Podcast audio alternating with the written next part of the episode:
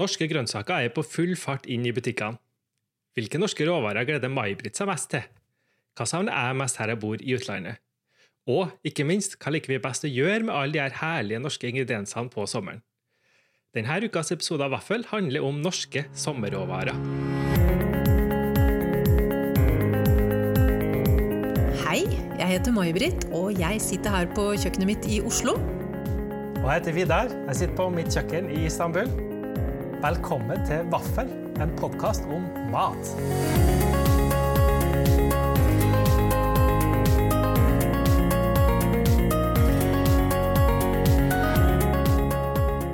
Ja, nå har det vært eh, sommervær i Norge ei stund, har jeg sett på eh, værmeldinga på internett. Og det betyr at det vokser antageligvis veldig godt på markene, og at norske grønnsaker er på full fart inn i butikkene.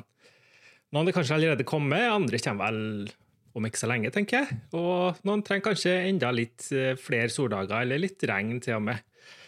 Og May-Britt, du er jo veldig opptatt av det her med norske råvarer, og en eh, flott ambassadør for eh, norskprodusert mat, om jeg får si det sjøl.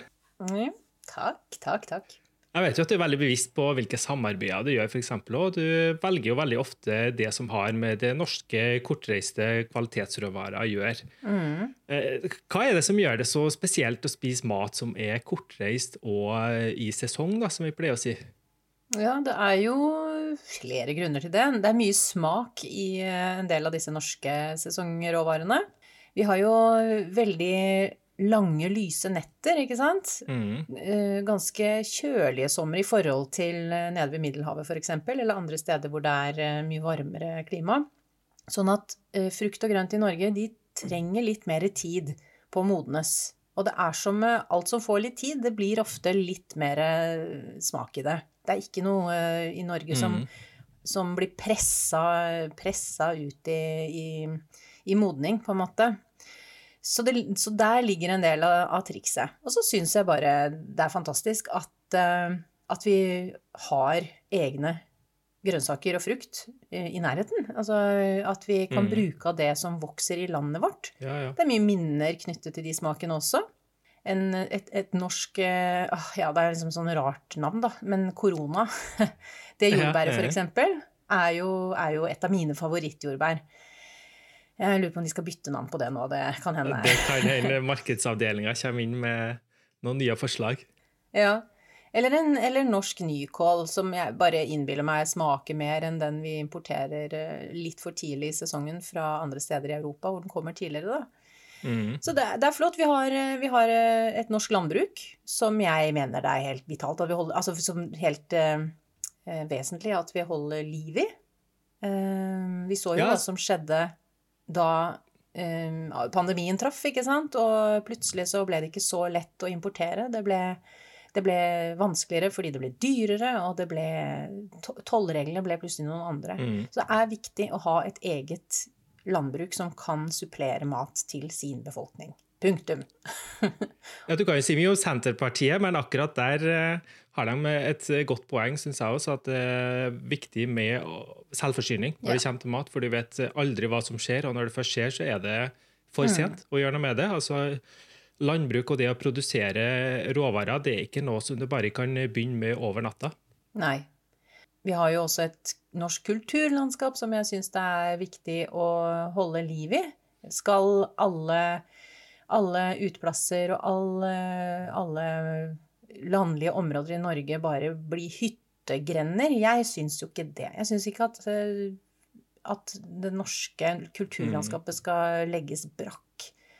Det handler om folk som eh, har holdt på med dette i generasjoner, og det handler om å ha matvarer og råvarer tett på hvis vi ikke kan gjøre handel med utlandet. Jeg har jo ikke noe imot eh, utenlandske råvarer. Tvert imot, herre min. Jeg elsker jo stort sett det meste som fins ute i verden, og som man kan putte i munnen. Men eh, vi skal også hegne om vårt eget. Både pga. kultur og tradisjon, men også pga. politikk og nødvendighet. Absolutt, jeg er helt enig med der med kultur også. Altså det, det er viktig å ta vare på den matkulturen man har, og ikke glemme det. Det er en viktig bit, det òg. Ja. Men hva, hva er det du gleder deg mest til på sommeren? da? Er det, jeg hørte du snakka om både jordbær og kål. Er det ja. noe som du går og venter på? Ja, jeg, jeg tror nok at nykålen er den jeg jubler mest over når jeg ser den første norske nykålen i, Mm. i butikkhyllene. Eh, den er så enkel, rett og slett, eh, og, men kan brukes til så mye. Det er noe med den derre unge, friske kålsmaken. Og så, og så er den så, så rask å tilberede også, fordi den er så eh, litt sartere og luftigere i, i formen, ikke sant? Um, den dampe, smørdampa nykål bare med salt. Jeg kan spise det til nesten alt, jeg, om sommeren. En av mine favorittoppgaver på kjøkkenet da jeg var liten, var jo å gjøre et eller annet med kålen, for jeg syns det var så godt å spise bare råe biter fra det. Særlig fra det innerste, der det er det litt sånn skikkelig sprøtt og knasent. Ja, det er kjempegodt. Litt sånn eh, Nesten litt spicy, altså helt innerst. Ja, det er en sånn peppertone helt innerst der. Det, det husker jeg, det var kjempegodt. Ja, jeg bruker det gjerne i salat også. Jeg er finsnittet sammen med litt eh, finere salatblader, eksempel. Så får du litt knas. Ikke Mhm, bare slapp salat, holdt jeg på å si. Eller ikke bare de skjøre bladene fra grønn salat. Og også i coleslaw, altså i ulike mm. slåer med majones, som jo er det beste jeg vet. Ja. Hva har de det utenom eh, kål? Det kan variere litt. Jeg syns det er veldig godt med fennikel oppi. Jeg er jo kjempeglad i fennikel også. Eh, Så litt finsnitta nykål, litt finsnittet fennikel, litt eple for å få inn litt aromat og, og friskhet. Og friske urter. Eller litt stangselleri. Den gode gamle, som noen ikke er så glad i. Eh, Jeg syns jo stangselleri er godt. Gulrot kan man ha i. Men jeg tror nok en sånn grunnstamme i mine kålslår på sommeren, det er fennikel og nykål Mm. og urter. Og så en frisk eh, majonesbasert dressing med majones og enten da rømme, crème fraîche eller kesam. Det velger man jo selv. Litt eplesidereddik og urter. Salt og Mhm. pepper. Det lønner seg kanskje ikke å gå helt over bordet og ikke ha i form, for det, da mister du kanskje litt den der gode smaken av kål og en eller to andre ingredienser. Ja, det er fint å kjenne, kjenne hva som er oppi der, at ikke alt bare blir en graut. Mm. Her er jo litt morsomt, for her er jo kål en vintergrønnsak. Det er jo en ting som jeg har lært meg litt etter jeg kom til Tyrkia. At her er jo sesongene delvis helt annerledes. Så eh, vi snakka om gulrot og så kål i tillegg Og Det er f.eks. vintergrønnsaker her. Så nå er det på en måte forsvunnet fra markedene. Så vi, Ja, ja. det er det jo her òg, for så vidt. Ja, men jeg tenker da, gulrot, norsk gulrot på sommeren er jo bedre enn på vinteren, er det ikke det? Jo, det er, er det en av dine favoritter? Gulroten? Ja, absolutt.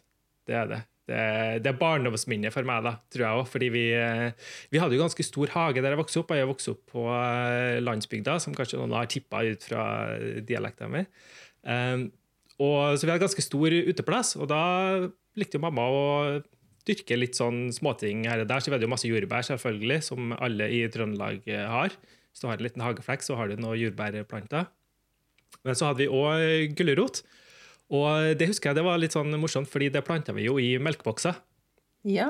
For at eh, ikke meitemarken skulle komme inn og eh, forsyne seg før vi var klar for å spise den der gulrota.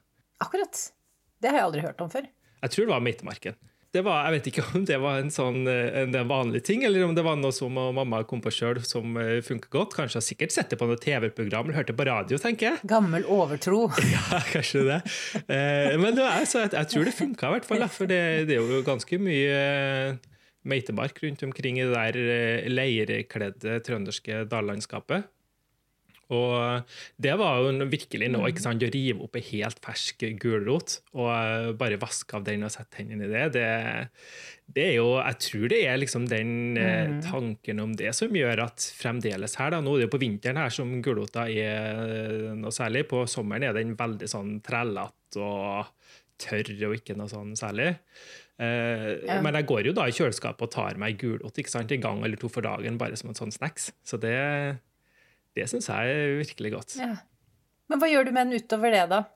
Hvis jeg ga deg en bunt helt nyplukkede gulroter fra en åker jeg ikke har, hva ville du gjort med de gulrøttene?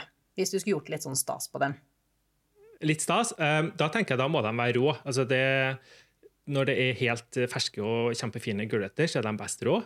Da kan jeg f.eks. lage mm. altså Du snakker om coleslaw. Jeg lager en eh, litt mer sånn hakka salattilnærming på det. Så da kan jeg finhakke i små terninger gulrot. Kanskje noe annet rotfrukter i tillegg. Kanskje en uh, bitte liten bit av ei rødbete. Kanskje litt nepe. eh, Ikke for mye. Mest gulrot, da. Og så ordner jeg bare en enkel dressing med granateplesirup. Har ikke kanskje noen valnøtter òg, bare for å få en litt sånn ekstra litt annet element, da, eller en litt annen type tekstur. Fordi de der eh, rotfruktene det blir jo veldig knasent. Og vanetri er for så vidt knasent òg, men på en litt annen måte. Litt friske urter.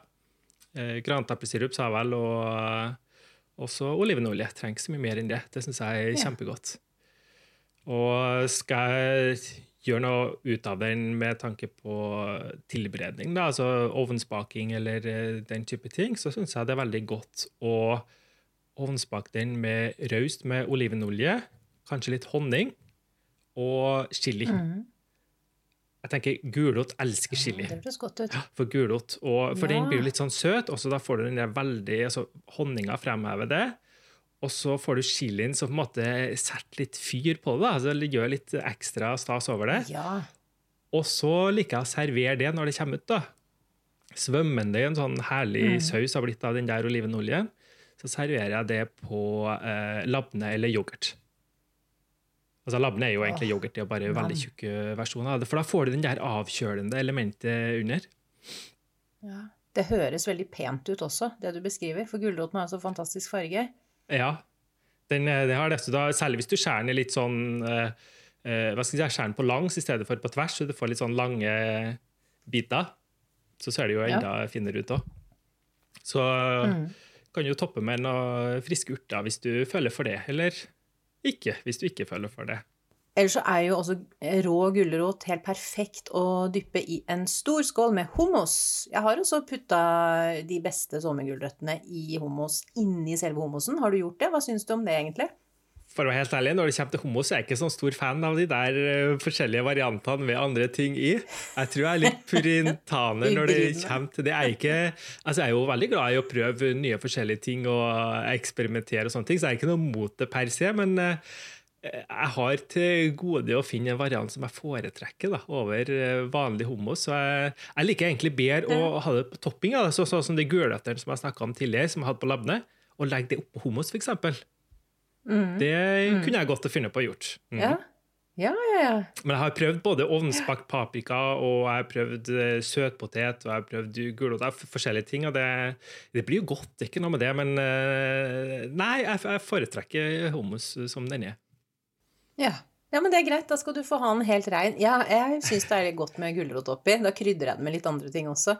Og så syns jeg den får en veldig flott farge, da. Det er jo men, men jeg kan helt klart bare gå for de derre gulrot Helt, helt knasende, sprø, søte, aromatiske som, norske mm. sommergulrøtter, og så bare dippe, dyppe dem i, i, en skål med helt rein hummus. Det er ja. en fin sommersnack. Og Her går det an å bruke alle forskjellige typer dipper. Det kan jo være som jeg snakka om eh, labne tidligere, ikke sant? altså mm. avrent yoghurt. Eller det kan være mohamara, som er en sånn paprika- og valnøtter. Ja, åh! Det er en av mine favoritter, da. Alt med valnøtter. Ja. Og den, eh, den er òg kjempegodt til egentlig alle sånne eh, friske grønnsaker, og bare dyppe i, mm. i det. Men det, det, jeg tenkte på sånn sommerråvarer. Vi spiser jo veldig mye skalldyr om sommeren. Blåskjell og reker og, og, og, tenke liksom på det som en sånn sommergreie. Men det er jo, skalldyr og fisk er jo mm. egentlig best om vinteren når det er kaldt i havet. Men det er jo bare noe med det å sitte mm. ute og spise Blåskjell er en av mine favoritter, da. Som sommerspise. Ja. Jeg syns altså det er så godt. Eh, og så er det jo så Plukker du sjøl, eller er det Nei, jeg gjør ikke det. Det, det, det gjør jeg ikke. Nei. Men uh, det kan man selvfølgelig gjøre. Bare være veldig påpasselig med å sjekke blåskjelltelefonen, er det det det heter? Altså sjekke at det området du er i Jeg vet ikke hva det heter, men det er i alle fall som du sier, veldig viktig å sjekke at det er ikke gift, giftig, ja. da. For det går jo litt i perioder, så av og til kan det være fint å spise, og av og til er det ikke fint. Så det er jo mye blåskjell der jeg kommer fra, men vi har jo aldri egentlig plukka noe sjøl. Nei. Faren min gjorde det. Vi hadde eh, seilbåt da han levde og bodde i Norge da jeg var barn. Så hadde vi seilbåt ute i Oslofjorden, og han plukka blåskjell. Og så bare dampet dem eh, på, i en gryte på bål med litt hvitvin og ikke noe mer. Han drakk vel mm. mer av hvitvinen enn han putta til blåskjellene, tror jeg, men det Ja, men det er lov, det, er ikke det? Iallfall hvis man har plukka blåskjellene sjøl. Ja, og så spilte han trekkspill, og da er Ja. alt lov. Da, Ja. da var det nesten så de rundt måtte ha mye hvitvin òg for å holde ut. Nei. Han var, han var musiker, så det var greit. Eh, Men det er, eh, for meg er det et av de sterkeste sommerminnene sånn på kvelden med lyse netter og mygg og, og bållukt og så blåskjell som man bare sitter og spiser og med, bruker Mm. det et skjell til å ta ut de neste skjellene med, eller neste ja. Eh, kjøttene med. Og det trenger jo ikke så mye i en sånn blåskjellgryte heller. Og så tar det jo 0,0 svisj tid, så er det ferdig. Det er jo fastfood av beste sort. Men hva med rengjøring? For det er jo en ting som jeg, jeg har jo ikke laga så veldig mye blåskjell.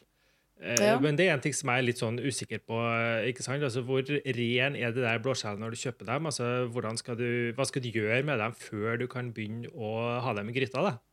Ja, jeg pleier å, Hvis jeg kjøper et nett i butikken, så spretter jeg det opp ned i vasken, og så bruker jeg en liten svamp med en grov side, og så bare skrubber jeg dem lett. Hvis det er mye sånn skjegg på dem, f.eks. Mm. Men det er jo ikke farlig å at det kommer det skjegget i, i kraften til blåskjellene. Det er bare mer at det kanskje er ubehagelig. ikke sant? Det er jo ikke farlig å spise sand heller, eh, med mindre du spiser en hel sandkasse. Men det er, det er ikke noe digg. Så det er jo mer for, for, eh, for nytelsen at man blir kvitt det. Det er ikke helsa, liksom. Men jeg, jeg pleier å bare skrubbe dem litt med en svamp, og sjekker at, eh, at alle sammen lukker seg når jeg gir dem et eh, kakk i benken. Det betyr jo at de da er levende og lukker døra. Ja. Og så, og så bare damper jeg dem. Men eh, jeg, jeg, de er alltid innom vasken og renner kaldt vann og får seg en runde der og sjekker at hvem, lev hvem lever og hvem lever ikke. Det er jeg nøye på. ja, nettopp. Ja, For dem som ikke lever, dem er ikke noe særlig å spise. De går i søpla, eller hvis de er ødelagte. Men det sier jo seg selv at hvis skallet er knust og Mm. kjøttet henger ut av holdt på å si rumpa, så er det jo ikke håp, på en måte. Nei. Og så bare tilbereder jeg dem, og de som da ikke har åpnet seg under tilberedning, de skal man heller ikke spise.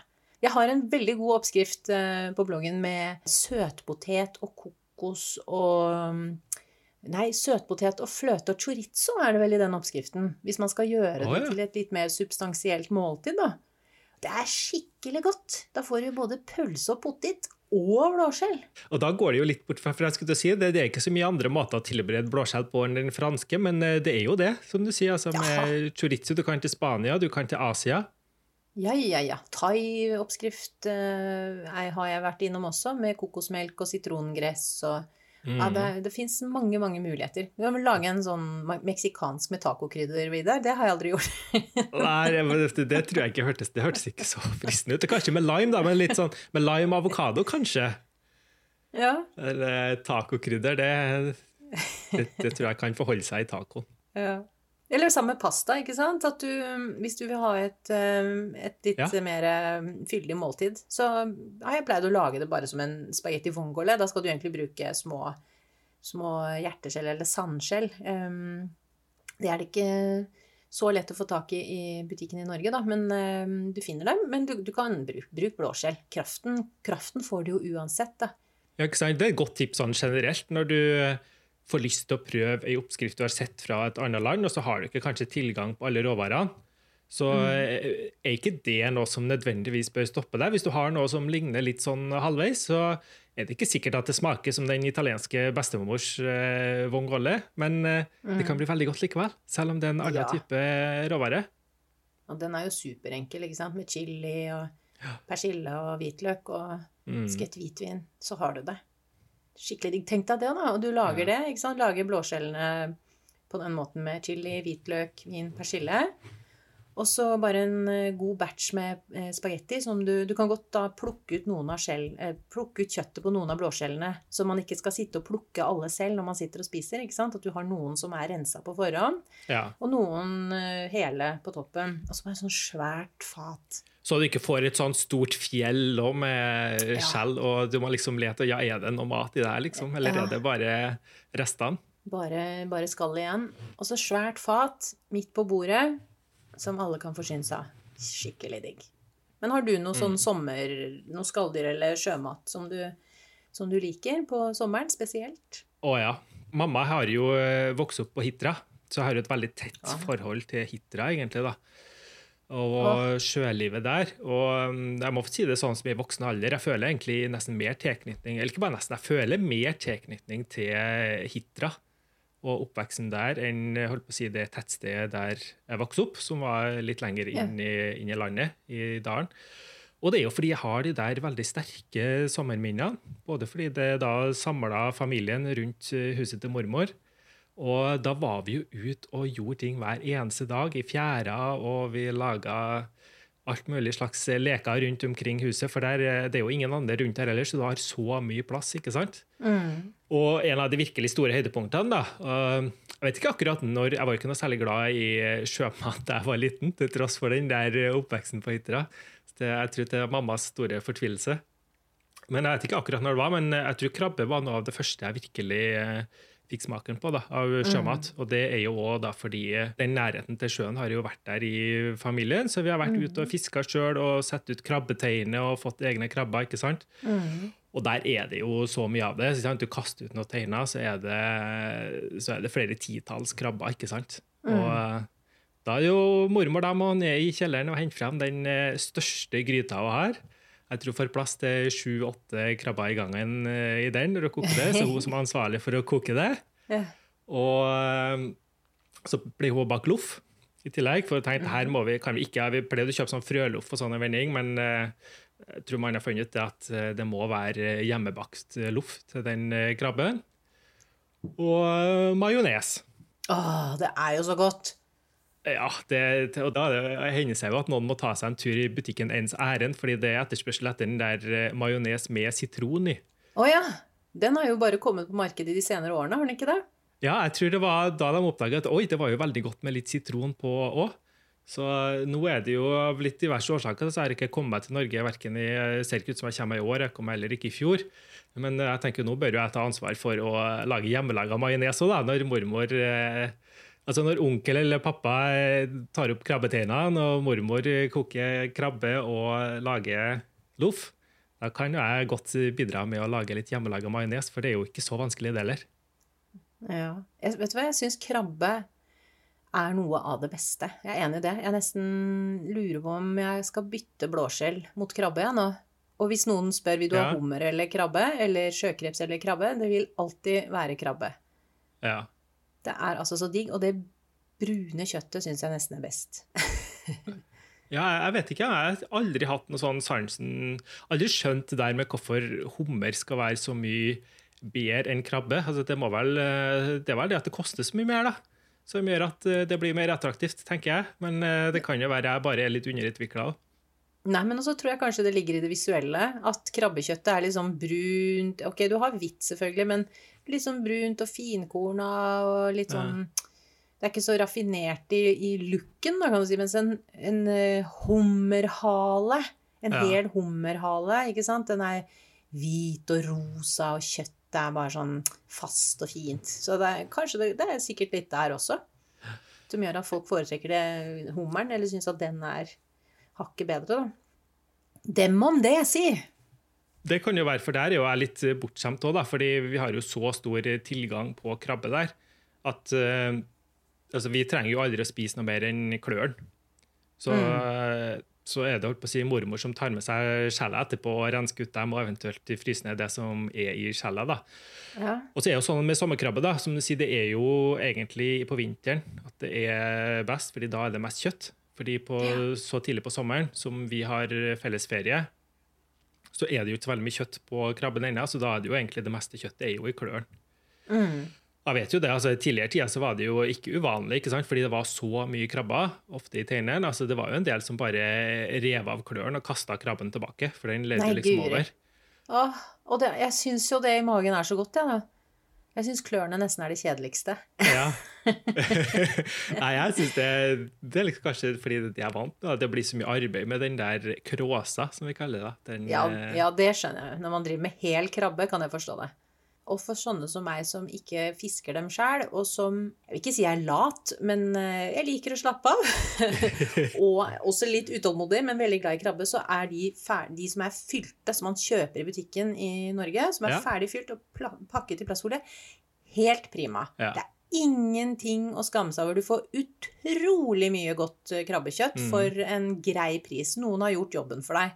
Hvis du kjøper krabbe i løs vekt, mm. så kan du jo på en måte aldri vite hvor mye som er vann eh, eller væske inni de krabbene, Ja, og hva som er kjøtt. Så du, du, vet, du, du betaler jo en kilopris for noe du ikke egentlig vet hvor mye du får ut av. Da. Så det der med at man tror at man er mer sånn autentisk hvis man kjøper hele krabber, er ikke med på i hele tatt. Og jeg har sittet i juryen med Det norske måltid, som jo Mm. eh, spiser seg gjennom norske råvarer. Og de der ferdig fylte krabbeskjellene får alltid veldig høy score. Mm. Ikke noe gærent med dem. Det skal man ikke skamme seg over. Nei, men Det tenker jeg er supert, og særlig på sommeren. nå, så Som sagt så er det jo litt eh, ymse med hvor kjøttet faktisk er i de der krabbskjellene. Så hvis du kjøper ferdig plukka, så er det både enklere, pluss at du da vet som du sier, hvor mye du faktisk får. Mm. En av mine beste pastaopplevelser er faktisk òg knytta til krabbe. Oh ja, hva var det med det? Jeg husker da jeg fikk besøk av eh, mamma og pappa da jeg bodde i London ennå. Da hadde jeg begynt å bli litt interessert i mat, mer enn mm. tidligere, og hadde lyst til å ta dem med på en litt sånn bedre restaurantopplevelse. Så da dro vi til River Café, som ligger i Fulham. Å, ja, den, ja. Ja, med de to damene. Ja, de to der, nå det jo Den ene har jo dessverre gått bort i kreft. Det begynner å være det blir ja, sikkert ti år siden, og det tror jeg. Eh, men de har jo drevet den da med egentlig klassisk, enkel italiensk mat, men med råvarer av veldig høy kvalitet. Og de er jo også kjent for at det er en del eh, kjendiskokker som har gått sine læreår der. Eh, Jamie Oliver, kanskje den største av dem. Ja, stemmer det. Hugh Fernley Whittingstall. Theo Mhm. Randall er kanskje et kjent navn for noen som følger med litt i, i England. Uh, og der var det en av de Vi hadde jo en sånn uh, ikke sant, forrett. Primo secundi uh, dolce, er det Ja. det. Og da var den uh, primien det var eh, pasta. Da var at jeg og mamma hadde en uh, linguini med krabbe. Og jeg har ennå ikke greid å gjenskape den helt, men jeg har funnet oppskrifta for et par år siden, så den har jeg nå på vent til jeg kommer meg hjem til Trøndelag en sommer igjen. Det har jo vært en stund nå, som jeg har sagt da. Men den, den ligger der og venter på meg, så jeg skal prøve den.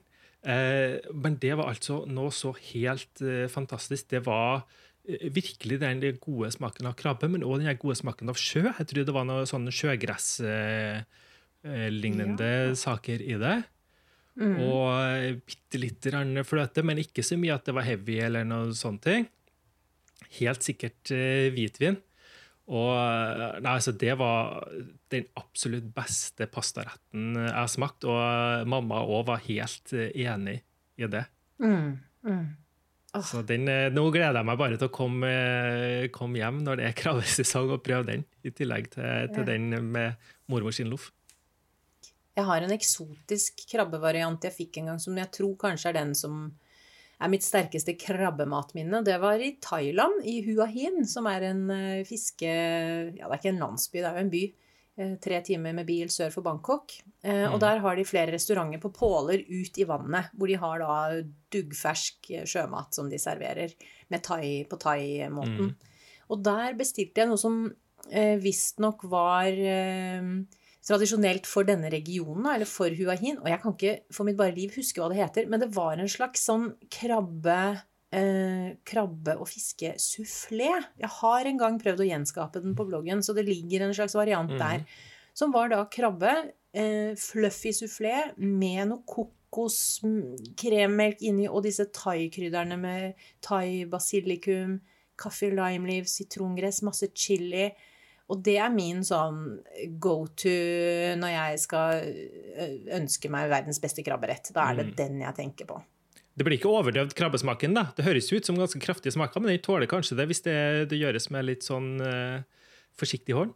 Det var nemlig akkurat det. Den var ikke slått Mm. i hjel av de uh, thaiurtene og krydderne. Den, den holdt seg. Jeg kjente Det var krabbe, uten tvil. Jeg kunne spist den i blinde og ikke trodd at det var noe annet. nå så det, jeg må prøve den.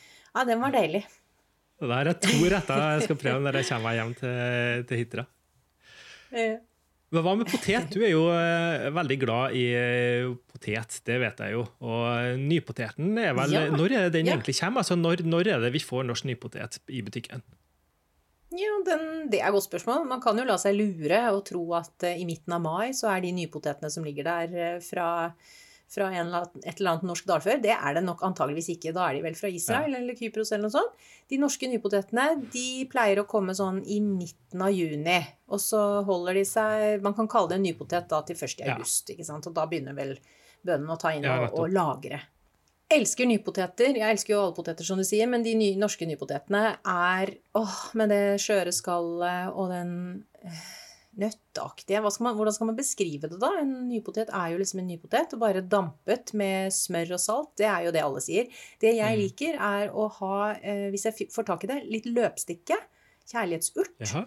i, eh, i kokevannet. Det gjorde Mm. bestemoren min i Danmark, som hadde egne poteter ute i hagen sin. Hun hadde disse danske små nypotetene som er bitte små, Mm. Så hun bare dampet dem med Eller kokte dem med mye salt og løpstikke. Og løpstikken har den der selleritonen, så da får de bare sånn slør av enda mer grønt og sommerhage. Det var egentlig veldig lurt tips, for det er noe som jeg ikke har tenkt på med poteten. Det er jo sånn som du kan gjøre f.eks. med ris og andre ting du koker. ikke sant? At du har ting i kokevannet for å få en spesiell smak på det. Men å gjøre det med potet, det hadde jeg ikke tenkt på. Mhm. Det var jo veldig lurt. Jo, og dill. Dill kan du bruke også. Bare tar, eh, hvis du kjøper store bunter med dill hos eh, grønnsakshandlerne på hjørnet, som jeg Mhm. kaller det nå, så kan du ta de tjukke stilkene og bare legge dem øverst i kokevannet til potetene mm. og la de koke med. Og så kaster du dem etterpå, for da har du fått en, arom, en eh, aroma mm. av dill i poteten din. Men poteter skal jo egentlig Men hva med salt? Ja, salt, ja. Jeg bruker ganske mye salt i kokevannet. Så- Ja. Men jeg lar aldri potetene fosskoke. Det holder Nei. at de syder. Kan ha laurbærblad oppi også. Det blir litt mer ut av poteten da. Og i hvert fall når det er de der nypotetene som du, du vil kjenne. Mm. Du vil kjenne at de er der. De er ikke bare med for å fylle magen. De er med fordi vi er sentimentale, ferieelskende, matelskende Mm. mennesker.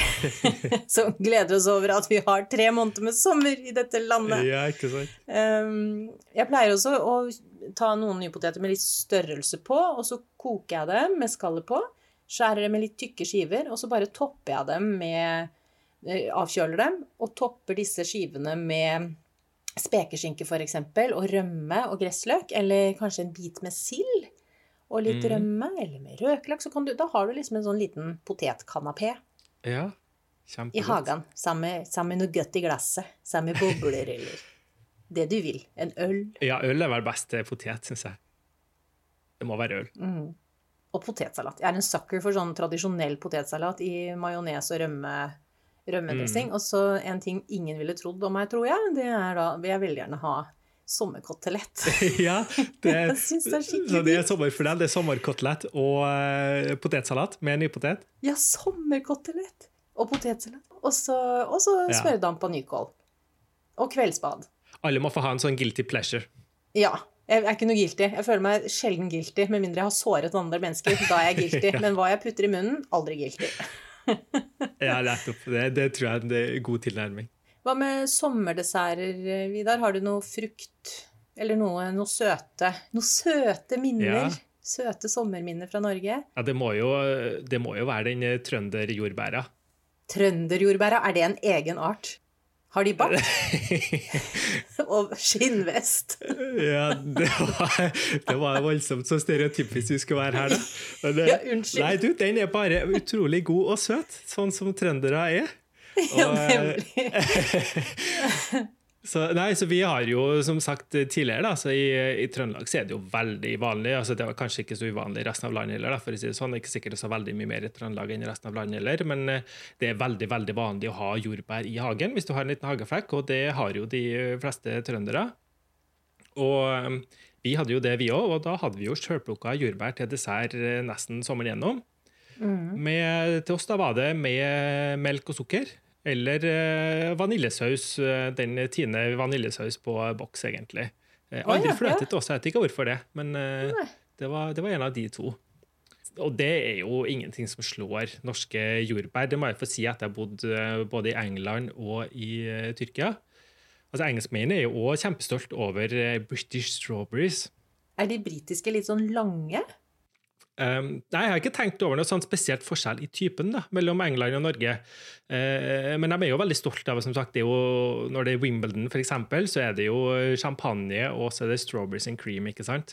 Og det, Ja. det er en veldig viktig del av britisk kultur, men jeg må få si det at selv de beste britiske jordbærene ikke sant? Du kjøper de dyreste kurvene, kanskje på Farmers Market eller en sånn økologisk sak på Waitrose, som er på en måte Storbritannias meny. Mm. Det nådde aldri opp imot trønderbæret, altså. Det må jeg få si. Det eneste de gjorde bedre, da, det var jo at uh, i England får du kjøpt sånn uh, vaniljesaus med ekte vanilje på boks i kjøleavdelinga. Ja. Så jo, det blir jo uh, Nå banner jeg litt i kirka, for jeg vet veldig mange er glad i den der Tine vaniljesaus på boks, men den var mye bedre. Den ferske, altså, fra kjøleskapet. Mm. Enda bedre jo hvis en lager det sjøl, men det vet jeg jo at det, altså, Skal du ha dessert hver dag sommeren gjennom, så kan du ikke stå og lage vaniljesaus sjøl hver eneste dag. Og her i Tyrkia har de jo òg jordbær. Det er jo et av de få bær de har. De har ikke så veldig mye bær her, det er mer frukt det går i. Eh, det har iallfall fått sitt eget navn. da. Blåbær for eksempel, kalles bare villbær eller eh, utenlandsk bær. Og okay. På linje med tranebær og en hel rekke andre bær da, som ikke har fått et eget navn på tyrkisk. Ja. Eh, men jordbær har fått sitt eget navn, og det får du på markedet. Det dukker opp ganske tidlig her, da, fordi vi har jo sommer litt tidligere. Og da viser det jo veldig godt det du snakka om innledningsvis, at det som er spesielt med de norske råvarene, er at de får vekst litt lenger, litt saktere. Får ta til seg smak på en helt annen måte. Og på jordbæra utgjør det en stor forskjell. For her mm. blir den litt sånn eh, Ja, den blir litt vassen. Ja, for de blir, blir fort vassende, nemlig. Eh, ja, den blir litt Du ser jo at den er stor og kanskje har vokst litt for fort. Og I tillegg er jo temperaturen spiller jo heller ikke så veldig godt på lag. ikke sant? Så jordbær er jo ganske delikat når den først har blitt plukka Legg på 30-35 grader og solsteik i tillegg, så er det bare å komme seg på markedet så fort som mulig. I alle fall de åpner, hvis du skal ha jordbær. Og mm. tilberede dem så raskt du kommer hjem. Altså, jeg gjorde jo den tabben til å begynne med. ikke sant? At jeg gikk eh, sånn, sånn midt på dagen. Og så kom jeg hjem. Og det litt sliten ikke sant? at jeg har gått og drassa på kilovis med frukt og grønnsaker. Det handler jo for hele uka. Og så blir det stående på kjøkkenbenken en time eller to før jeg orker å ta med på taket med det. Og da er jo halvparten av jordbæra ødelagt allerede, ikke sant? fordi det mm. er så eh, varmt. Den er jo veldig delikat. Så mm. jordbær, det må jeg få si, der eh, er det ingenting som slår eh, norsk jordbær, aller helst trønderbær. Jeg tenker de trønderbæra dine, Vidar, sa brura. Jeg lurer på om, om det har vært korona, altså, for det er jo den vi nordmenn elsker mest kanskje har det sterkeste forhold til. Den er jo så utrolig aromatisk og lett å gjenkjenne. Jeg husker Bestefaren min hadde jo jordbæråker. Eh, men da var det kanskje Den, den sorten som eh, har vært hovedsort i Norge lengst, er en som heter Senga Sengana. Ja. ja har du hørt om den før? Ja. Mm. ja. Senga Sengana. Høres nesten litt afrikansk ut. Så det er, den og korona er vel kanskje de vi kjenner best, tror jeg, her i Norge. Mm. Men de er jo dødsgode. Men så kult at du syns de norske jordbærene overgår de der ute i store, vide verden. Jeg er jo enig jeg har spist jordbær andre steder. I Italia så har jeg fått noen litt sånn lange, slanke, veldig pene jordbær noen ganger. Men jeg syns jo de smaker veldig lite. De er mm. pene. Mm. De ser utrolig flotte ut hvis du har dem oppå en hvit uh, kremkake, f.eks. Men det er ja, ja. lite smak.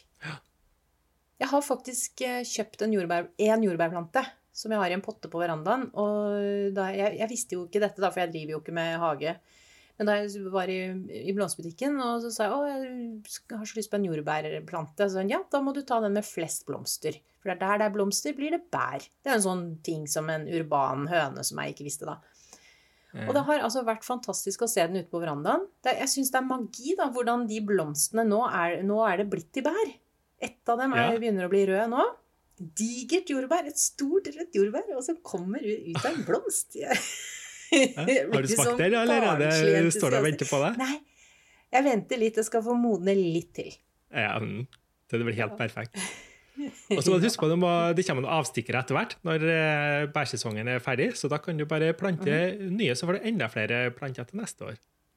Ja, og det, altså jeg, kanskje jeg gjør det. Jeg skjønner at det, det, jeg sier nå, eh, virker helt sånn imbesilt for folk som kan noe om hage og, og, og jordbruk. Men, men, for en urban rotte så er det stort. Vi starter jo alle et sted, gjør vi ikke det?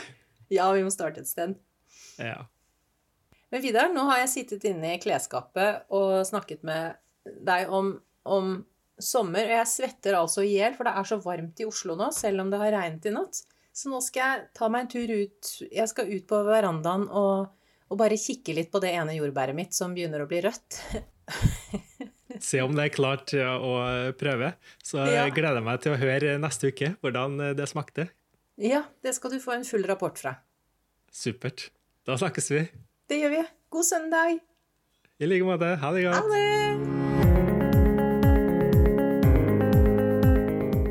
Takk for at du hørte på denne episoden av Vaffel.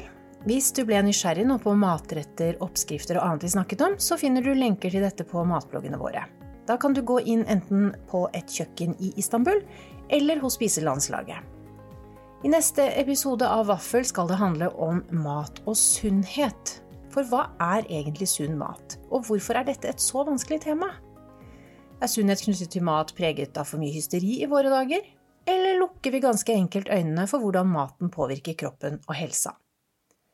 Vidar og jeg vi beveger oss inn på dette minefeltet neste uke og snakker om vårt eget forhold til sunnhet, mat, kos og balanse på kjøkkenet. Til da, på gjenhør.